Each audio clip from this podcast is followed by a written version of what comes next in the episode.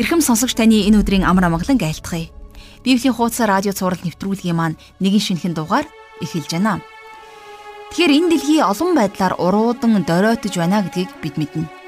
Хэдийгээр хэрэглээний хувьд амжилтанд хүрч ололт амжилттай байгаа ч гэсэн харин хүний хувьд бид уруудан доройтож байгаагаа мэддэг. Эцсийн цаг ирэхээс өмнө их зовлон туулах цаг үе ирнэ гэдгийг эзэн Есүс сануулan иш үзүүлсэн байдаг. Харин бүх зүйл зовлонгоор дуусахгүй гэдэг нь Христ итгэлтэнгүүдийн итгэлээ санаж явах ёстой хамгийн чухал үнэт зүйл юм. Бидэнд хүлээж байгаа нэгэн бий. Харин өөрийгөө бидний хүлээж буй нэгэн гэж ойлгох гэж мөн хуурж мэхлэх гэж оролдох олон зүйл гарч ирнэ гэж зөвгнөл Библиэд байдгаас өнөөдөр бид энэ хичээлээр хамтдаа энэ талаар үзэх болно. Тэгэхээр өнөөдрийн хичээлээр чухал сануулга үгнээс бид хамтдаа сурах болно. Бид өнөөдөр Исая намын 24-р бүлгийн 16 дугаар ишлэлээс 26 дугаар бүлгийн 19 дугаар ишлэлийг дуустал хамтдаа үзэж судлах болно. Тэгэхээр эзний үг сургаалд чихтэй нэгэн нь сонсогдсон гэсэн байдаг. Мөн итгэл нь сонсохоос эхэлдэ гэсэн үгч байдаг. Та өнөөдрийн хичээлээр дамжуулан маш их ивэл аваарай. Ингээд хамтдаа энэ цагийг бурхан дөргөж залбирцгаая. Бурхан эзэн минь Таньда энэ цагийн төлөө талархал өргөн залбирч байна. Энэ өдөр бид таны үгийг судалж, таныг улам илүүгээр таньж мэдхийг хүсэж байна. Итгэж бидний амьдралд өдөр бүр тохиолддог тэрхүү зовлон бэрхшээлийг эзэн бид таны нүдээр харж, тэрхүү зовлон бэрхшээлээс болж шантрах биш. Уруудан доройтох биш. Харин бурхан тань руу улам илүү ойртон дотносдог нөхөрлөдөг хайрын харилцаатай байхыг хүсэж байна. Бурхан минь, эзэн минь Таны үгийг улам илүүгээр ойлгохын тулд ариун сүнсээрээ энэ цагийг та удирдаарай бүх зүйлийг танд өргөж эзэн Есүсийн нэрээр залбирanгуйлаа. Амен. Ингээд хамтдаа жаргалах шиг хичээлд анхаарлаа хандуулцгаая.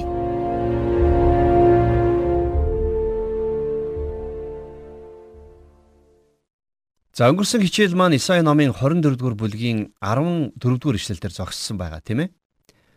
Тэгэхээр өнөөдрийнхөө хичээлээр хамтдаа 24-р бүлгээс үргэлжлүүлээд за 26-р бүлгийг хамтдаа судлая.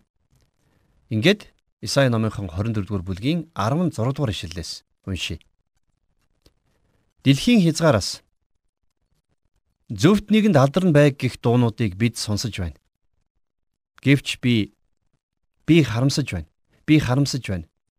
Золгүй ээ. Урвагч урваж, урвагч нь дэндүү урваж байна гэж хэлвэ.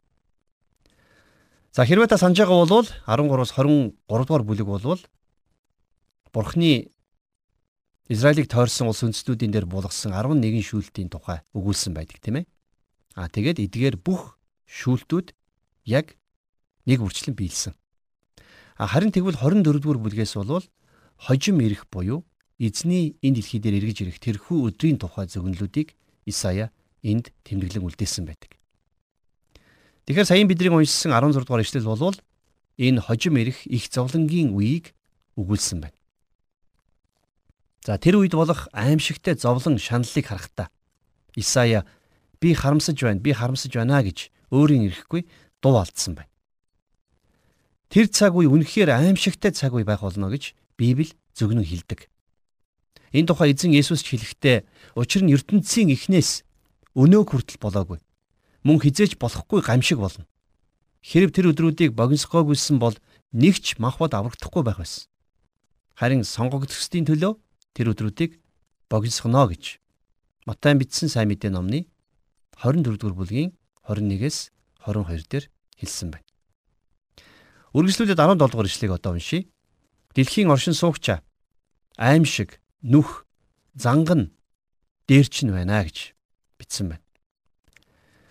Тухайн цаг үед бол энэ дэлхий дээр амьдарч байгаа хүмүүсийн дээр гурван төрлийн зовлон байх болно гэдгийг Исая энд зөвнө хэлсэн байна. За нэгдүгээрт аимшиг буюу айдас гэж хэлсэн байна тийм ээ. Тэгэхээр хүн төрлөختний өнгөрсөн бүхэл түүхийн туршид улс орнууд айдас хүйдэсгүй эрх чөлөөтэй нийгмийг бий болгохын төлөө зүтгэсээр байгаа ч гэсэн өнөөдөр энэ зорилгодоо бол бүрэн дүүрэн хүрч чадсан улс орн гэж нэгч байхгүй. Өнөөдөр жагсаал цуглаан болдгоо улс орн гэж байхгүй. Тэр үед эрх чөлөөний орон гэгддэг Америкт ч гэсэн шудраг бус байдал оршин тогтнож хүн ард нь жагсан цуглж үүмэн самууд игдэх явдал байсаар л байна. Хүмүүсийн сэтгэл ханамжгүй байдал, айдас түгшүүр ер нь хаа сайгүй л газар авсаар байна. Тэгэхээр хожим нь их зовлонгийн үе ирэхэд энэ байдал бүрч илүү гаарах болно гэдгийг Исая зөвгнөн хэлжээ. За хоёрдугаарт нь болохоор зэрэг Исая нүх гэж хэлсэн. Энэ бол үхлийн аюул гэсэн утгыг агуулсан нэршил. Өнөөдөр энэ дэлхий дээр цүмийн зэвсгийн аюул занал хийлэл урд урдынхаас ч илүүгээр газар авсаар байна.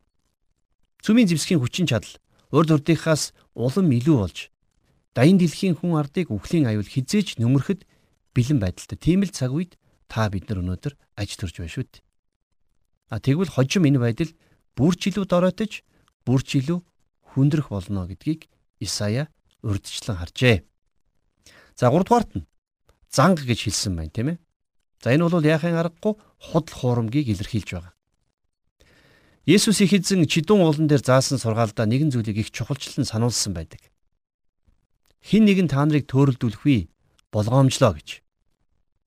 За хожим нь эцсийн цаг үе ирэхэд Христийн дайсан буюу антихрист гарч ирж хүмүүсийг хуурам мэхлэх болно гэдгийг Библи бидэнд маш тодорхой урьдчилан сануулсан. Антихристийн хамгийн сайн хийж чаддаг зүйл бол хуурам мэхлэлт. Сатан бол хуурам мэхлэлтийн хаан гэдгээрээ алдартай гэдгийг бид мартаж болохгүй. Өнөөдөр маш олон хүмүүс худал хуурамгийн дунд амьдарч байна. Тэд нар амьдралдаа худал хуурамгт бүрэн итгэж амьдарч байна. Өнөөдөр энэ амьдралаас цаадахыг бодож сэтгэж байгаа хүмүүс маш цөөхөн байгаа. Энэ амьдрал дуусах үед биднийг мөнхийн амьдрал хүлээж байгаа гэдгийг. За тэгээд тэрхүү мөнхийн амьдралаа яаж өнгөрөх вэ? Хаана өнгөрөх вэ гэдгийг тунгаан бодож байгаа хүмүүс бүрч цөөхөн байгаа. Өнөөдөр дэлхийн ертөнц болон хүн төрлөختний үүслийн тухай ходол хуурмаг ойлголтууд газар авч хүн бичнээс үүссэн гэх мэт ходол хуурмагт итгэн амьдарч байгаа хүмүүс зөндөө бий. За дээрэс нь өнөөдөр хүмүүсийг улс төрчид хуурч байна хэвлэл мэдээллийнхэн хуурч байна. Алхам тутамдаа бид нар худал хуурмагтай нүүр тулж байна. Харин энэ бүх худал хуурмаг донд бидэнд өгөгдсөн цорын ганц бодит тусламж бол Есүс Христ. Би өнөөдөр танд захиж хэлмээр байна. Та Есүс рүү эргээрэй. Тэр бол бидний мэрэгэн ухаан. Бидний цор ганц итгэл найдвар. Хожим эцсийн өдрүүд ирэхэд хүмүүс худал хуурмагт бүрч илүү автах болно гэдгийг Библи их тодорхой зөвгнөн хэлсэн байдаг. За 24 дугаар бүлгийнхээ 22 дугаар ишлэгийг одоо уншийе. Тэд яндан дах хоригдлууд бид хамтдаа бөөгнөрөөд шоронд хоригдно. Олон хоногийн дараа тэд шийтгэгднэ. Тэгэхээр хожим Есүс Христийг энэ дэлхий дээр дахин ирэх үед болвол үгсэн амьд бүхэн шүүгдэх болно. Илчлэл номын 20 дугаар бүлгийн 4 дугаар ишлэгийг харах юм бол энд ингэж бичсэн байна. Би синтинүүдийг харсан ба дээр нь залрагчдад шүүх эрх өгөгдсөн байлаа. Мөн Есүсийн гэрчлэл болон Бурхны үгнээс болж цаазлуулагдсдийн сүнснүүдийг би харав. Тэд араатанд ба түүний хөрөгт мөргөөгүй. Дух хийгээд гар дээр араатны тэмдгийг хүлээн аваагүй агаад тэд амилж Христтэй хамт мянган жилийн турш хаанчилжээ гэж бичсэн байна. Есүс Христ энэ дэлхий дээр дахин ирэх үед их зовлонгийн үе бүрэн дуусгар болно гэдгийг Библиэд хэлсэн байдаг. 23 дугаар ишлэл. Тэгэхэд сар ичиж нар гутна. Учир нь төг төмдийн эзэн Сион уулан дээр Иерусалимийн дотор хаанчилж Ахмадуудынхаа өмнө сүр жавхланга байлгана. Энэ дэлхий дээр сүр жавхлантайгаар эргэж ирэх Есүс Христийг харахтаа түүний сүр жавхлангийн өмнө сар ичиж нар гутна гэж Исая зөвгнөн хэлсэн байна. Есүс Христийг энэ дэлхий дээр дахин ирэх үед их зовлонгийн үе дуусч Христийн мянган жилийн хаанчлал эхэлнэ. Ингиж эзэн Есүс өөрийн хаанчлалыг энэ дэлхий дээр байгуулах болно. За бидний дараагийн үзэх Исаи номын 25 26 дугаар бүлэг дээр хожим ирэх Бурхны хаанчлалын тухай зураглалыг их тодорхой өгүүлсэн байна. Тэгэхээр Есүс Христийг энэ дэлхий дээр дахин ирэх үед энэ дэлхий дээр Бурхны хаанчлал тогтно. За энийг хуучин гэрээн дээр маш олон удаа иш үзүүлэн зөгнөн хэлсэн байдаг. Баптистч Йохан хүртэл өөрийн үйлчлэлийг эхлэхдээ гимшцгээ Тэнгэрийн хаанчлал айсуу байна гэж тунх гэж байсан тийм ээ. За Есүс Христ ч гэсэн бас Тэнгэрийн хаанчлалын тухай өгүүлж байсан. Харин хүмүүс яасан гэж хүмүүс Есүсийг үл тоомсорлож түүнээс татгалцсан байдаг. Матай номын 11 дугаар бүлгийн 28 дугаар эшлэлдэр Есүс ингэж хэлсэн байдаг. Зүдэж зүтгэгсэд хийгээд хүнд ачаа үүрсэн бүгдээ над дээр ир. Би та нарыг амраая гэж. Есүсийн энэхүү урилга ондоо ч гэсэн хүчинтэй. Тэр одоо ч гэсэн хүмүүсийг өөрлөгөө ирэхийг урин дуудсаар байна. Та өөрөө хүссэн ч хүсээгүй ч та өөрөө мэдсэн ч вэ мдээгүй ч вэ ялгаагүй өнөөдөр нэгэн шийдвэрийг гаргаж л байгаа. Та нэг бол Есүсийг хүлээж авч байгаа эсвэл та түүнийг үл тоож байгаа. Энэ хоёрын завсрын байр суурь гэж байхгүй. Матай номын 12 дугаар бүлгийн 30 дээр Есүс хэлэхдээ надтай хамт байдаггүй нь миний эсрэг байна. А надтай хамт хуваалцдаггүй нь тараагч нэг мөн гэсэн байна. Тэгэхээр 25 дугаар бүлэг дээр дахин ирж байгаа Христ хааныг магтан алдаршуулж байгаа Магдалины дуулууд гардаг. Энэ дуу нь гурван бадагтай баяр хөөрийн дуу. 25 дугаар бүлгийн 1-р ишлэгийг одоо уншийе. Изэн та миний бурхан. Би таныг өргөмжлөн таны нэрд талархал өргөнө. Учир нь та өн эрт төлөвлөсөн гайхамшгуудаа төгс итгэмжтэйгээр гүйцэтгэв. За энд болохоор хамгийн түрүүнд Бурхны авралын төлөө талархсан дуулалыг дуулж байна. Есүс Христийг энэ дэлхий дээр дахин ирэх үед Бурхныг магтах, магтаал жинхэнэ утгаараа ундран гарах болно гэдэгт би итгэдэг. Учир нь бид нар тэр цагт Бурхантай нүүр тулан уулзаж түүнийг цоо шин төвшөнд таньж мэдэх болно. Бурхны агуу үйлсийг цоо шин нүдээр харах болно. А тэр цагт та бидний магтаал бидний цуглаан дээрээ магтдагаас тис өөр байх болно. Заримдаа бид нар цуглаан дээрээ ирээд Бурхныг магтахтаач чин зүрхнээсээ магтаж чаддгүй шүү дээ. Харин тэр цагт болвол бид нэр чин хүсэл эрмэлзэлтэйгээр чин сэтгэлээсээ Бурхныг магтан алдаршуулах болно. За цааш нь 2 дугаар ишлэгийг одоо уншийе. Учир нь та хотыг овоо бэхлэгдсэн хотыг балгас болгов. Харийнхны шилтгэн нь хот байхаа болж хизээч дахин сэргээгдэхгүй гэсэн байна. За энд Есүс Христийг энэ дэлхийд дахин ирж өөрийн хаанчлалаа байгуулах үед өнгөрсөн бүхэн улиран одож дайснууд нь ч гэсэн үгүй болох болно гэж зөвгнөн Исая бичсэн байна тийм ээ. За тэр цагт бол хотууд өөрсдийгөө дайснаас хамгаалах гэж хан хэрмийг босгох шаардлагагүй болно гэж их тодорхой хэлжээ.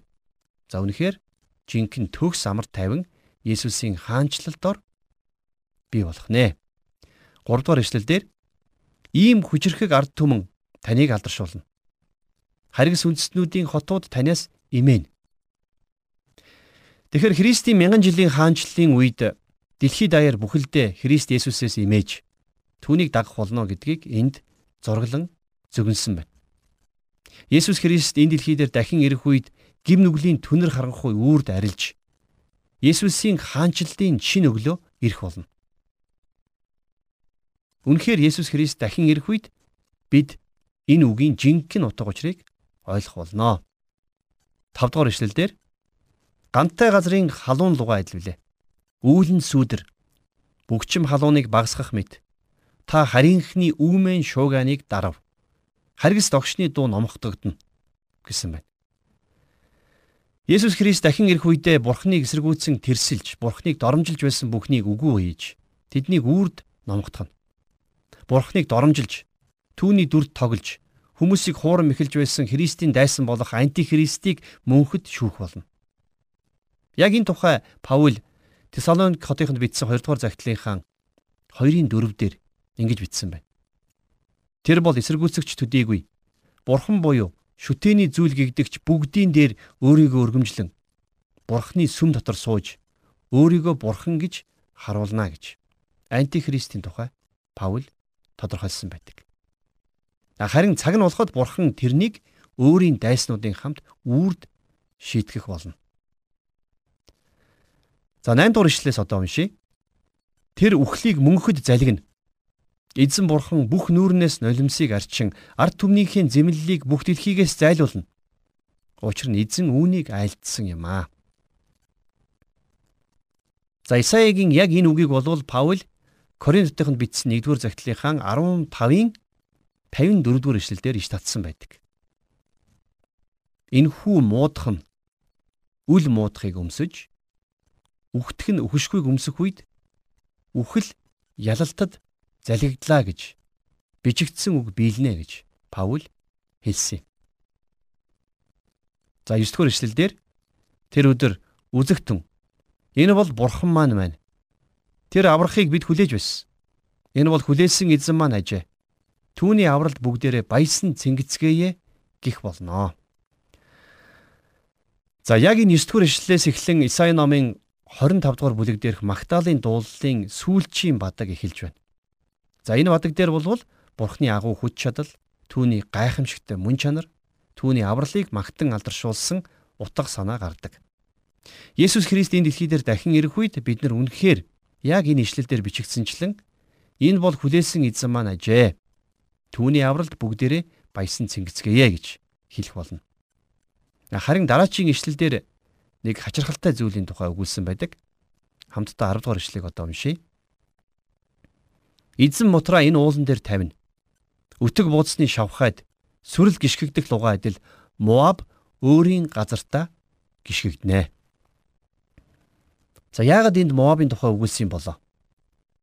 За яг яагаад гэдгийг бол би тодорхой хэлж мэдэхгүй байна. А гэхдээ Бурхны хаанчлал эхлэх үед Моаб гიშгэгдэх болно гэсэн санаа энд тодорхой гарч байна. Тэгэхээр өмнө нь бол бид нар Моаб гэдэг бол гаднаа бурханлаг дүрийг эсэгдэг боловч бурханлаг байдлын хүчийг дотроо үгүйсгдэг хүмүүсийг төлөөлдгөө гэж үзэж байсныг та санаж байгаа бах тийм ээ. А тэгвэл бурхан яг тэр цагт ийм хүмүүсийг гიშгэж хаях болно гэсэн санаа энд гарч байна гэж би хувьдаа бодож байна. За 12 дугаар ишлэгийг одоо уншийе. Хэрэмний чинь халдашгүй бэхлэлтүүдийг тэр нураан доош хаяж шороонд хүртэл нь түүнийг газарт хаяна гэсэн байна. Есүс Христ өөрийн хаанчлалыг байгуулах тэр үед Бурхан бүхэл бардам хүмүүсийг өндөрлөг газруудаас буулгах болно. Тэр цаг үе бол үнэхээр эзэн Есүсийн айлдсанчлан дүлгөөн даруй хүмүүс дэлхийг өвлөн авах цаг болно. Харин одоо энэ цаг үед бол дүлгөөн даруй байснараа амжилтанд хүрэх нь юу л бол. За ингээд 26 дугаар бүлгийг хамтдаа дэлгэцгээе. За 1-р ишлэлээс одоо уншъя. Тэр өдөр Юдагийн нутагт энэ дуу дуулагдана. Бидэнд хүчрхэг хот байна авралд зориулан тэрээр хэрэм бэхлэлд босоожээ. Христ Есүсийн хаанчлал энэ дэлхий дээр байгуулагдах хожимын тэр өдөр Юдагийн нутагт энэ дуу дуулагдана гэж энд хэлж байна. За харин өнөөдөр болвол Израилийн нутагт ийм дуу дуулагдахгүй байгаа нь тодорхой. Израильчууд өнөөдрийг хүртэл Есүс Христэд итгэх итгэлээс татгалцсаар байгаа шүү дээ. 9 дугаар ишлэлийг үргэлжлүүлэн харъя. Шөнөөр сэтгэл минь таныг хүсэмжлэн сүнс минь таныг шаргуу ирэлхийлнэ. Дэлхий таны шүүлтийг эдлэх үед ертөнцийн суугчид зөв явдалд суралцнаа. Үнэхээр итгэгч бидний хувьд Есүс Христтэй ойр дотн нөхөрлөх нь итгэгч та бидний хувьд ямар чухал вэ гэдгийг бид нар ойлгож ухаарах хэрэгтэй. Соломоны дуу номын 1-р бүлгийн 2-р эшлэлдэр итгэгч хүний бурхантай нөхөрлөх нөхөрлөлийн тухай хэлэхдээ Уруулаараа шимэнхэн намайга тэр үнсэг. Учир нь хайр чинь дарснаас ч илүү таатай гэж хэлсэн байдаг. Энэ бол яахын аргагүй хайр инрэл амар тайвны нөхөрлөл юм. Бид нар бүгдээрээ бурхантай ийм ойр дотн нөхөрлөх ёстой. Тийм учраас Исая хэлэхдээ шөнөөр сэтгэл минь таныг хүсэмжлэн сүнс минь таныг шаргуу ирэл хийлнэ гэж хэлсэн нь бурхантай ойр дотн нөхөрлөхийг хүссэн халуун хүслийг нь илэрхийлсэн байна.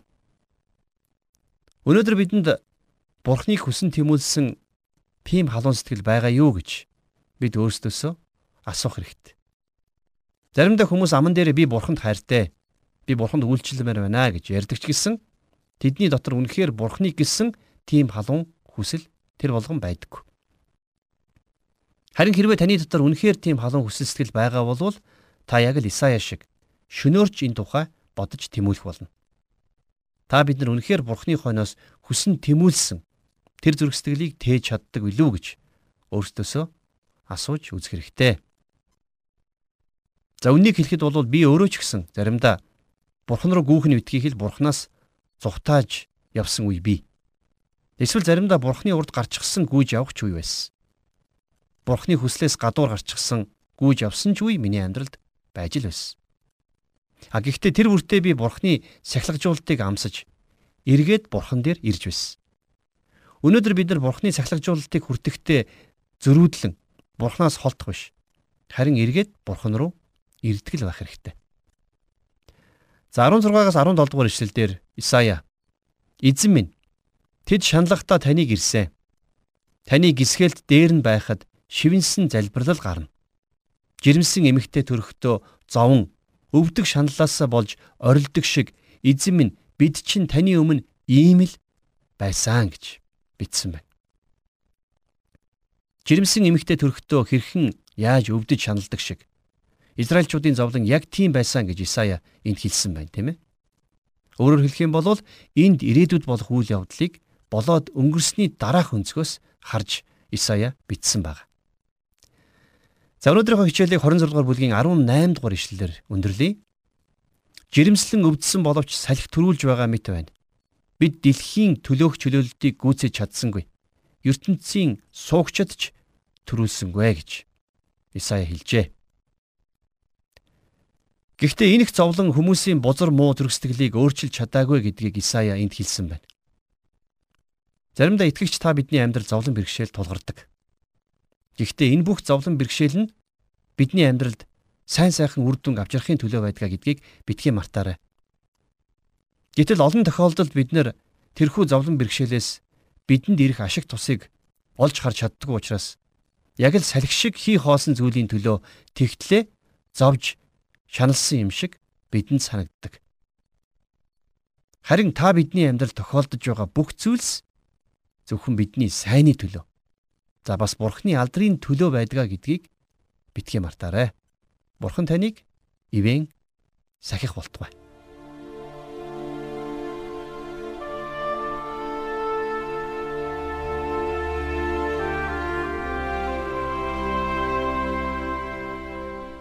Тэгэхээр өнөөдрийн хичээл зөвхөн Христ итгэлд хүнд хамаатай байсан гэж бодохгүй байна.